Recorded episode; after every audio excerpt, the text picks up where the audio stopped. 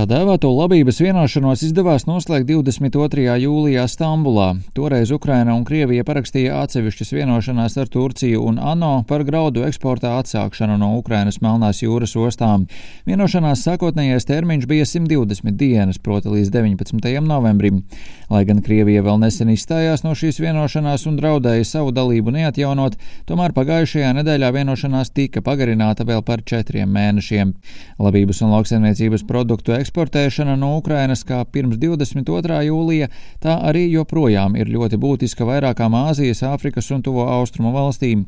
Ukraina ir viena no lielākajām graudu eksportētājām pasaulē. Vienošanās pagarināšanu un labības eksporta nozīmi uzsvēra ANO Tirzniecības un attīstības konferences ģenerālsekretāre Rebeka Grīnspana. Really Mēs patiešām esam ļoti gandarīti par Melnās jūras graudu iniciatīvas pagarināšanu. Tās ir ļoti labas ziņas pasaulē, pārtikas trūkuma krīzē, ko mēs piedzīvojam, un tas ir nozīmīgs ieguldījums problēmas risināšanā.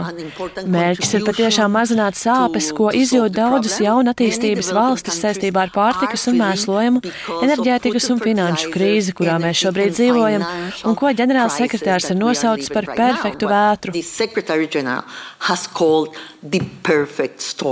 Vienošanās paredz labības un citas pārtikas eksportu caur trīs Ukrainas ostām - Odesas, Čornomorskas ostām, kā arī ostu Pīvdenī.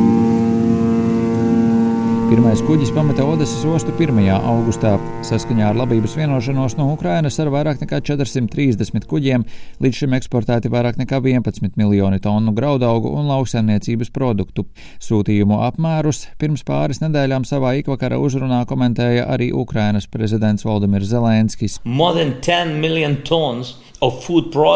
Pāri mūsu robežām ar Eiropas Savienību un caur Donavas ostām ir eksportēti vairāk nekā 10 miljoni tonu pārtikas produktu. Pateicoties Melnās jūras graudu iniciatīvai, 10 miljonus tonu graudu eksportējam arī pa jūru. Tas ir nozīmīgs ieguldījums globālajā nodrošinātībā ar pārtiku.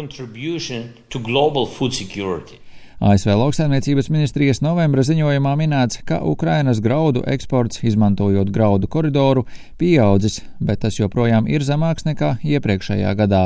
Graudu eksportam no Ukrainas ir izteikti sezonāls raksturs. Eksports sasniedz maksimumu neilgi pēc kviešu un miežu ražas, ko novāc jūlijā, bet kukurūzu novāc septembrī. Pa šo Melnās jūras koridoru tikusi eksportēta galvenokārt kukurūza. Saskaņā ar Ukrainas tirdzniecības datiem kukurūzas eksports visa veida transporta transporta veidos no jūlija līdz 8. novembrim ir vairāk nekā divkāršojies salīdzinājumā ar iepriekšējo gadu. Savukārt kviešu eksports ir mazāks par pusi no iepriekšējā līmeņa. Miežu eksports ir par trešdaļu mazāks nekā pērn. ANO ģenerālsekretārs Antoniju Gutērešs G20 samitā uzsvēra, ka vienošanās dēļ tomēr jau manāmas pozitīvas izmaiņas. Melnās jūras graudu iniciatīva jau ir palīdzējusi stabilizēt tirgus un pazemināt pārtikas cenas. Katra procenta daļa mazina badu un glābi dzīvības. Upalī Galketī Aračilage, pārtikas un lauksaimniecības organizācijas vecākais ekonomists norādījis, ka pārtikas cenas ir kritušās, tomēr ne visur tas nozīmē tūlītējas pozitīvas izmaiņas. Uh,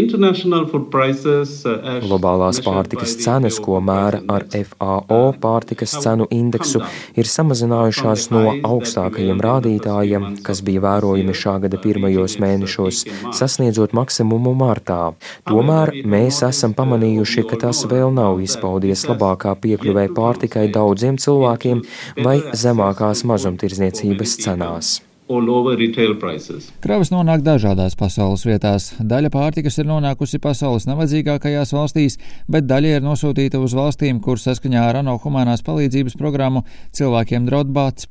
Lai gan labība nonāk tādās valstīs kā Omāna, Alžīrija, Etiopija un citās, ANO dati liecina, ka lielākā daļa Ukrainas pārtikas eksporta pēdējo trīs mēnešu laikā ir nonākusi Spānijā, Turcijā, Itālijā, Ķīnā un Nīderlandē.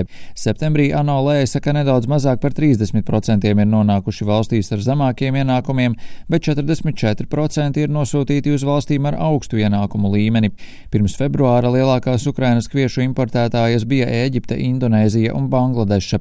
Labības vienošanās turpināšana ir īpaši būtiska Āfrikai, piemēram, Tunisijai un Eģiptei, tā norāda vācu analītiķi, sakot, ka piegāžu zaudēšana ilgtermiņā būtu postoša daudzām šī kontinenta valstīm.